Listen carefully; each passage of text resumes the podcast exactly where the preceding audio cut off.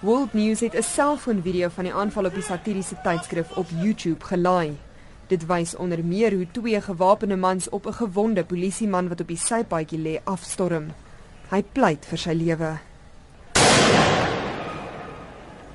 Sosiale media netwerke soos YouTube en Twitter is 'n magtige platform, maar volgens Sandy Postlethwaite, die bestuurshoof van Data Driven Insight Africa, is daar ook baie gevare.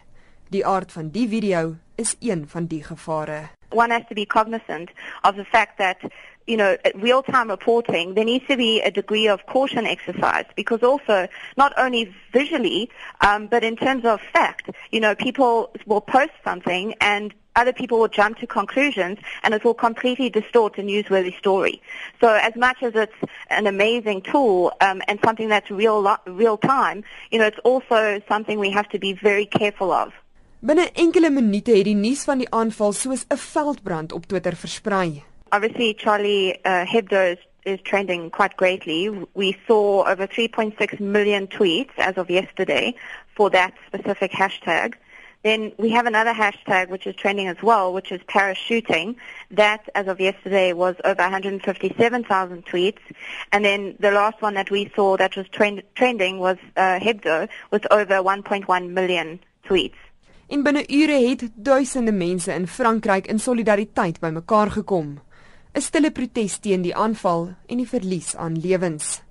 Postleswyk sê Twitter is net een van baie platforms wat gebruik word om mense saam te snoer. Just in terms of the parachuting, we saw the creation of the hashtag um, Jesus Charlie, excuse my pronunciation, meaning I am Charlie. And this was a hashtag that was started in support of the shooting victims.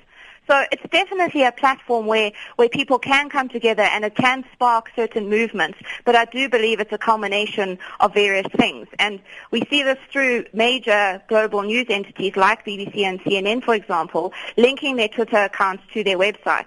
And DDI just had a look at um, online news specific uh, numbers, and we see that in the past 24 hours there was over 35,000 news items posted about the parachuting, and in the last hour there was 1,800 online news items posted. So I do believe it's a combination of factors.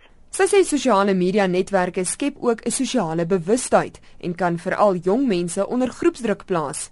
Die tipe groepsdruk het in die geval van die aanval in Frankryk gehad. There was a very interesting um, insight that actually came out of the story, um, and it's it's related to the youngest su suspect, 18-year-old Morad Hamid. He actually surrendered to the police after seeing his name circulate on social media, and his classmates created a hashtag Morad Hamid is innocent, which started trending in France. So I do believe, I mean, that's a major that's a major breakthrough because having seen his name on, on social media sort of almost forced him to go and hand himself in. Sandy Postlethwaite, die bestuurshoof van Data Driven Insight Africa. Ek is Henry Wondergem in Johannesburg.